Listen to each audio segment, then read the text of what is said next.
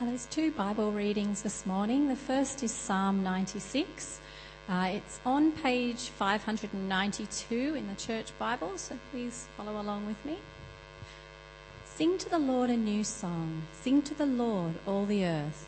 Sing to the Lord, praise his name, proclaim his salvation day after day. Declare his glory among the nations, his marvelous deeds among all peoples. For great is the Lord and most worthy of praise. He is to be feared above all gods.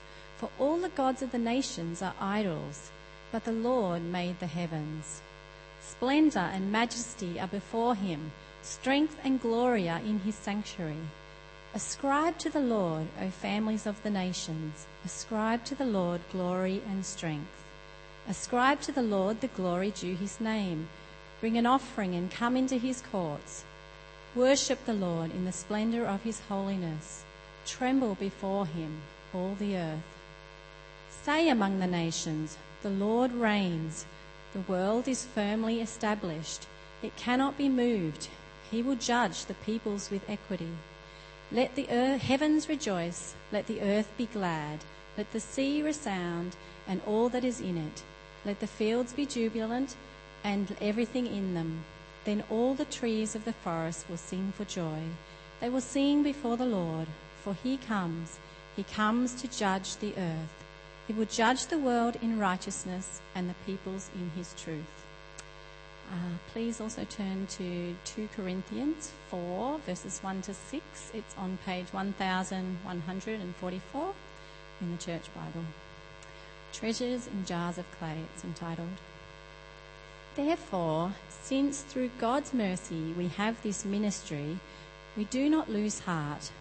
Rather, we have renounced secret and shameful ways. We do not use deception, nor do we distort the word of God. On the contrary, by setting forth the truth plainly, we commend ourselves to every man's conscience in the sight of God. And even if our gospel is veiled, it is veiled to those who are perishing the God of this age has blinded the minds of unbelievers so that they cannot see the light of the gospel of the glory of Christ, who is the image of God.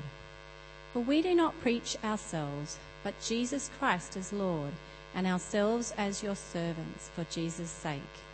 For God, who said, Let light shine out of darkness, made his light shine in our hearts to give us the light of the knowledge of the glory of God in the face of Christ.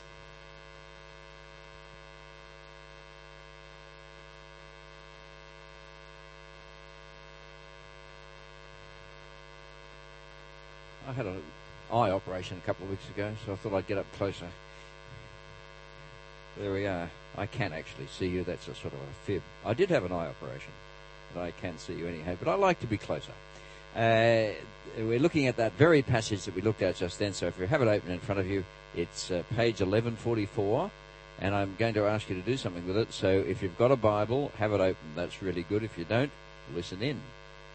Uh, first of all, thank you, Jeff. Thank you for your invitation to be here. Uh, we love being here with the Saints of Hill and uh, delighted to see you again. We've been here before, of course, over the years, and delighted to see you all here again. Uh, and uh, very, very pleased indeed for the invitation. So thank you, and thank you for your fellowship. Uh, let's pray as we study God's Word together. The question today is, is how do we make new Christians? Okay, how do we make new Christians? So that's the question and we're hoping this passage will feed into that question. Let's pray. Dear God and loving Heavenly Father, we thank you for your word, and we pray now that by the power of your Holy Spirit, we may understand your word and believe it and obey it. For Christ our Saviour's sake. Amen. Amen. So, how do we make new Christians? And what this passage tells us is only with great difficulty. In fact, we can't. So I'm going home now. That's it. Farewell. what the passage tells us is we can't, and only uh, uh, there's no way we can do this. Now, what's it mean? And I'm going to say to you that unbelievers, people who don't know the Lord Jesus, can't believe. They can't do it. And I'm going to say to you, the gospel is our only hope. And I'm going to say to you, our, our task is to serve the Lord and I'm going to say to you that God does the miracle. Ah, Yes, there can be new Christians because God does the miracle. Okay. Now, they're the four things I want to say, and I want you to see them in this passage. It's, I'm not saying it because I'm saying it. I'm saying it because I believe that's what the Bible is teaching us. I'm not here to tell you what I think. I'm here to help us to understand what the Bible says. So, as we now look at this Bible, I wonder if you'd do something with me. If you've got a Bible, if you've got it open there, uh, page 1144, I'm going to ask us to read the passage again. I know we just had it read to us beautifully, but we're going to ask you to read the passage again. And uh, I'm asking you to look out for those four things that I said that unbelievers can't believe, that the gospel is our only hope, that our task is to serve, and that God does the miracle. So, are you ready? Those of us who have the Bible open, ready to read. Together? Therefore, since through God's mercy we have this ministry, we do not lose heart. Rather, we have renounced secret and shameful ways.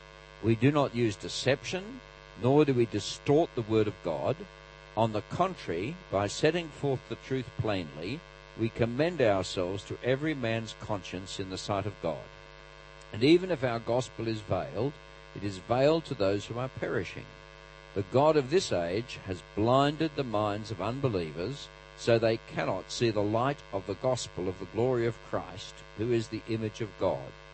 For we do not preach ourselves, but Jesus Christ as Lord, and ourselves as your servants for Jesus' sake. For God, who said, Let light shine out of darkness, made his light shine in our hearts, to give the light of the knowledge of the glory of God in the face of Christ. Thank you. That's really good. Okay. The first point unbelievers can't believe. Now, I want you to look and see where the Bible says that. Over to you. Now, I have to warn you, I used to be a primary school teacher. So anything could now happen.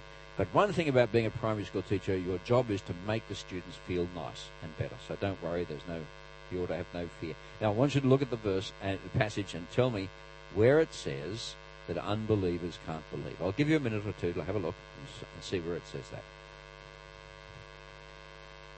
You know, when you're a primary school teacher, one of the things you've got to do is you've got to deal with people who call out answers before they're asked.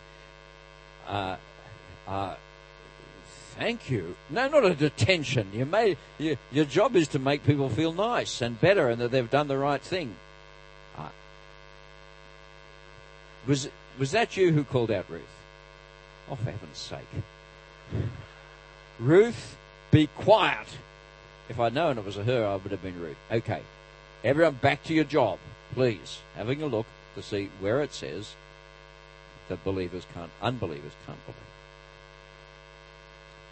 And if you're really top of the range, the question is why, too. No, please stop. For heaven's sake. Where'd you get these people from? Oh, you're a teacher as well.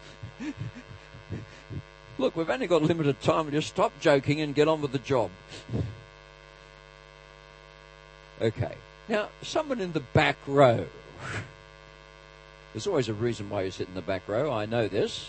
Okay. Someone in the back row can tell me where and even what it says. Anyone? See, I knew you were sitting in the back row for a reason. Anyone? Uh, second back row? Have a guess. Uh, I want you to call out. Now, there's a lady here who signaled to me that she was ready. Yes? You're in the back row. Someone else. Yep. Come on, this is going to be a very long morning. Yes.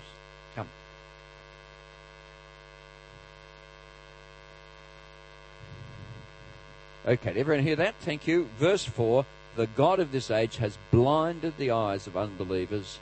Have a look. So they cannot see. Uh, thank you. What's your first name? Miriam? Thank you. You've just saved the entire occasion. Okay, well done. Miriam has pointed us to verse 4, and if you haven't looked at it, look at it again. The God of this age. Now, who's the God of this age? Anyone? You can call out at this point the God of this age is, thank goodness you're here, is Satan. So the evil one, Satan, blinds the eyes of unbelievers so they cannot see. Now, Jesus gave a special name to the evil one. He called him, you ready?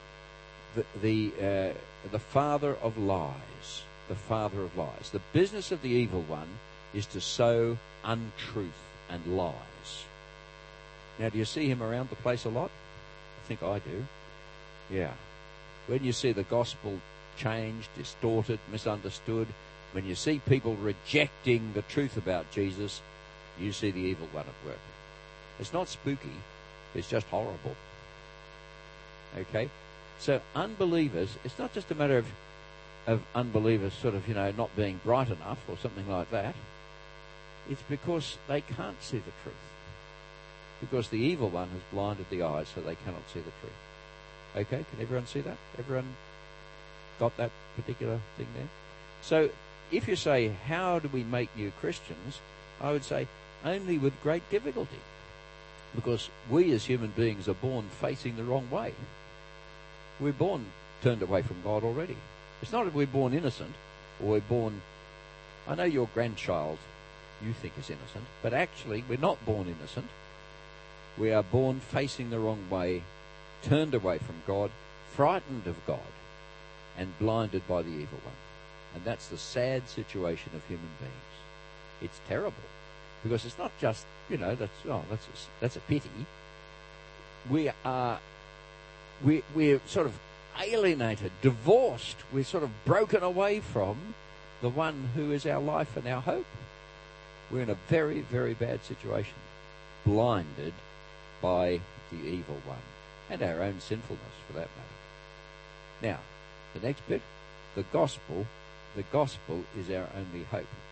Now, this passage here tells us what the gospel is. It's got a lovely little definition of the gospel. It says, clue, what we preach. Okay? So, according to this passage, this little summary of the gospel, can you see it?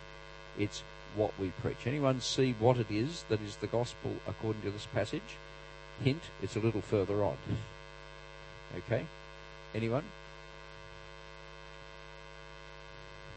Who, who is it? Is it you again, Ruth? Why did you just come out and take over? This would be really good. It's okay, we're old friends. I'm not really being rude, am I? Uh, yes, by all means, Ruth. Apparently, I am. Sorry. Ruth, yes, by all means, call out. Go on. Where do you find that in this passage? Would you like to read out verse 5 for us?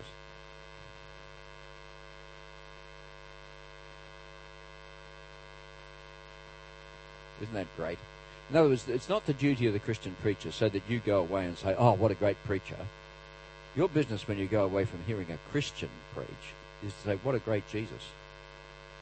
And the, so what we preach is not ourselves. What we preach is, I want you all to look again, verse 5.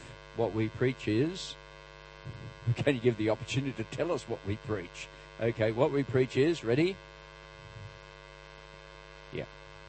Now, you could you could tell the gospel by reading the whole of Matthew's gospel all the way through because that's the gospel.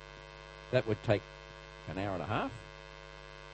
But the gospel, if you want to summarize it, is that Jesus Christ is Lord of the universe. He is in charge of all things.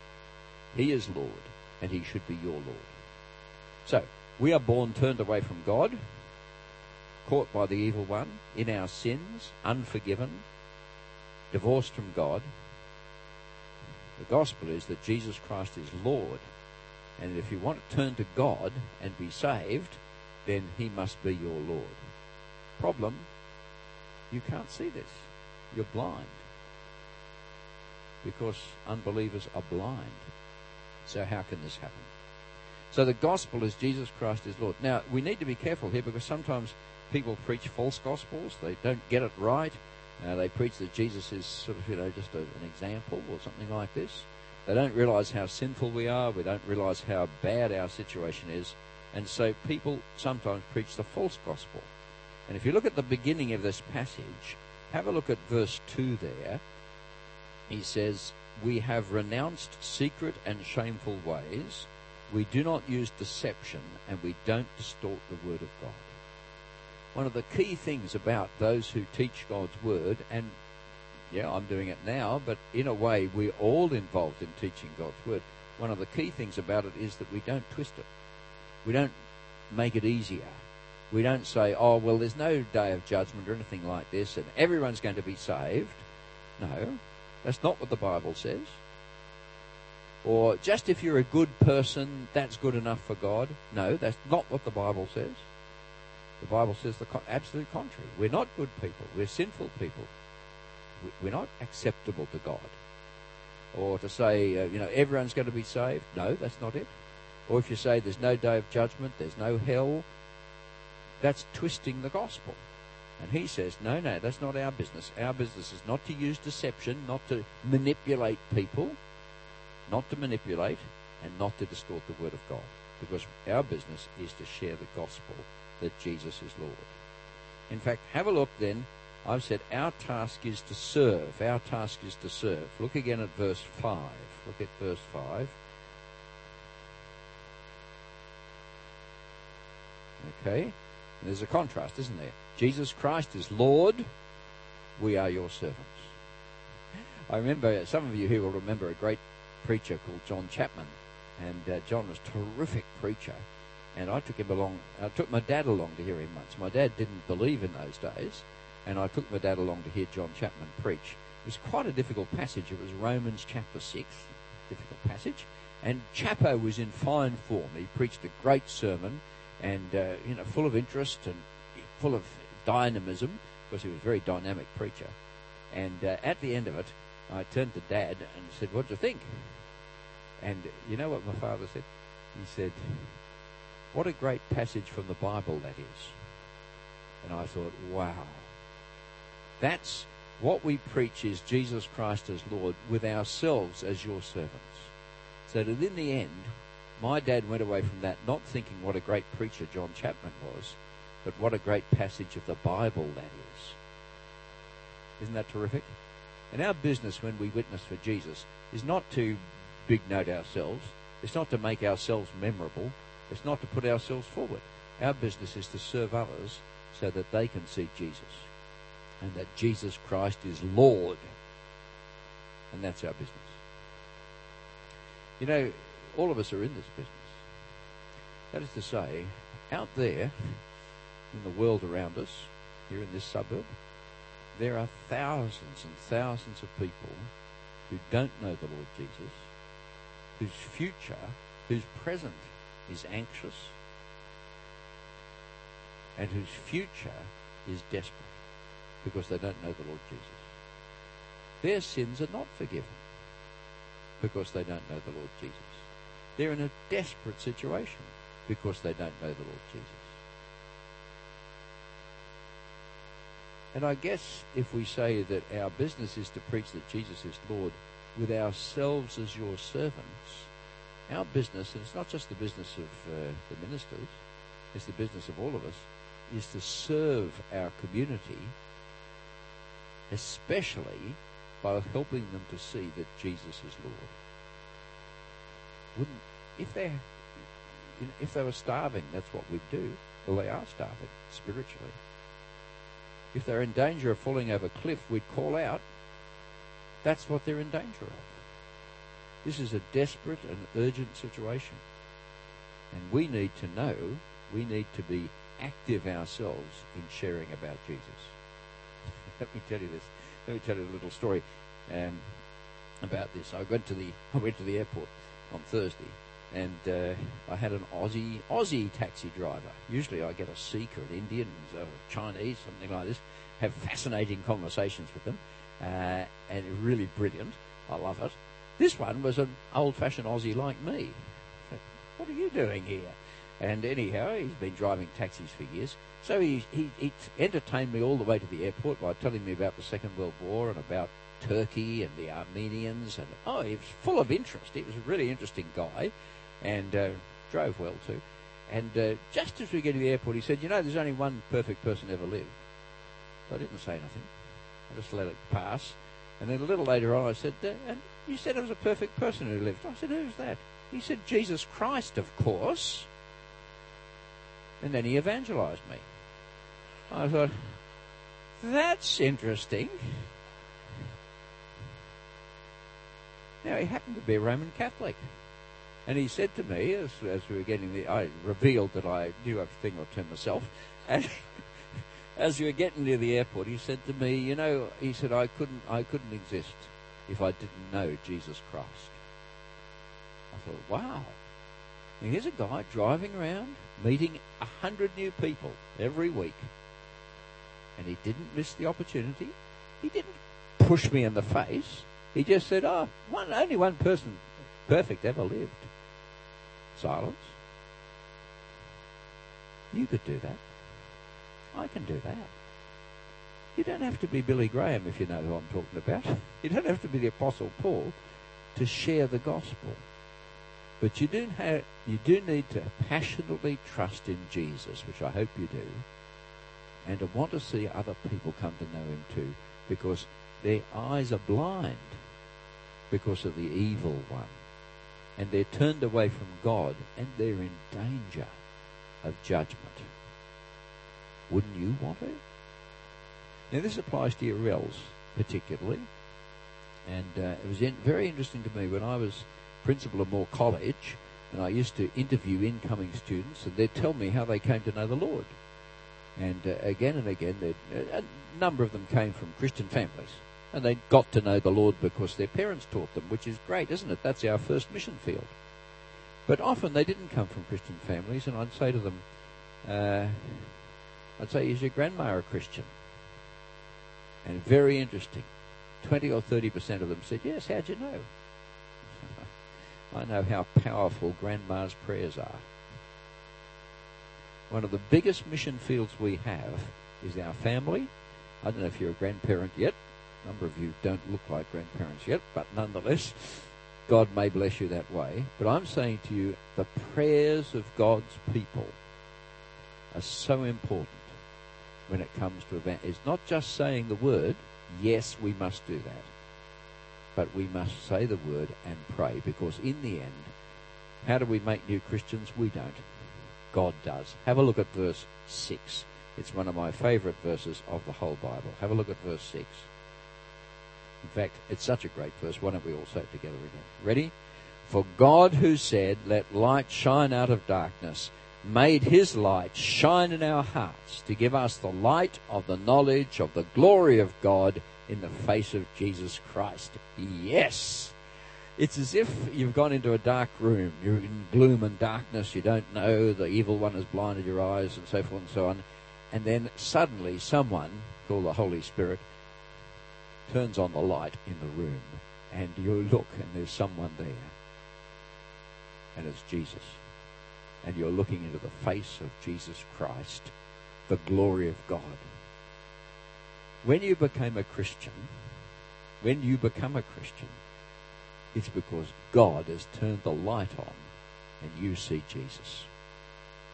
That's what happens. Now, it may maybe that's because someone else has shared Jesus with you. Jesus Christ is Lord. It's come to you through words. But it's because God turns the light on. God makes new Christians. So one of the things that should give us confidence, if you're driving a taxi and you say, by the way, only one person ever per... Okay, he's done his bit. He knows he can't make new Christians, but he knows that he can trust God that God will. And God can take the words of the gospel about Jesus. God not only can, He does take the words of the gospel about Jesus. He hears the prayers of His faithful people. And when He chooses, He turns the light on in people's hearts so they come to know God. One of the great things about sharing the gospel with people is in the end, it's only God who does it. We're only part of His work. You can trust Him for this I don't know about you, but sometimes when I'm walking down the street, I see someone and their face arrests me. Sometimes I see someone who looks so sad. Or I see children in the street and, I, and, and they just attract me. I thought, wow. And then I pray for them. I turn what I see into prayer. Do you pray for people? Hope you do. Strangers. Pray for strangers. You see them on the bus. Don't pray for everybody all the time myself, but there are people that I pray for as I see their faces and I say, that person needs Jesus. And the Lord leads me to pray. Who knows? Let me tell you, my friend Peter Adam. Peter Adam is uh, Victoria. Some of you may know him. And uh, he's witnessing to his sister-in-law for years and years and years and years. She, no, nothing to do with Jesus, didn't want to know about Jesus. When she was dying, she was within two or three days of her death, he walked into her room and she was different. She'd changed. And she said, You got a Bible? I'd like to have a Bible. He said, What? You've never wanted one before. She said, Now listen, particularly uh, some of you here might teach scripture, some of you who taught Sunday school, some of you who have children and grandchildren. Listen. She said, I have been lying here thinking about what my Sunday school teachers taught me 60 years ago. And you know what? I believe it. And she'd become a Christian through the seed that was sown 60 years before in Sunday school by people who were probably born in the 19th century. because those words came back and the Lord turned the light on. And the Lord brought it to himself through the faithful work of his servants, pointing people to the Lord Jesus. You want to be part of that? Who wouldn't want to be part of that? Sow the word. Pray for people. Have a heart for the people all around us who need to know the Lord. And this, let this be a church which reaches out even more than you do already, and I know you do, which reaches out into its community in so many ways, but especially in the sharing of the gospel, which is that Jesus Christ is the Lord. God bless you in that endeavor. And may many people come to know the Lord Jesus through your ministry, personally and as a church, remembering that it's God who turns the light on. Let's pray. Heavenly Father, we thank you for your word. And we pray that as we study and think about your word, so you will change us. So you will make us. We pray that you would save us from the sin of distorting your word or trying to manipulate people. We pray that instead we may be people who, through the open declaration that Jesus is Lord and the lives we live too, may testify to the wonder of Jesus. We do pray that we may have the great joy of seeing children and grandchildren and friends and neighbours and brothers and sisters come to know the Lord.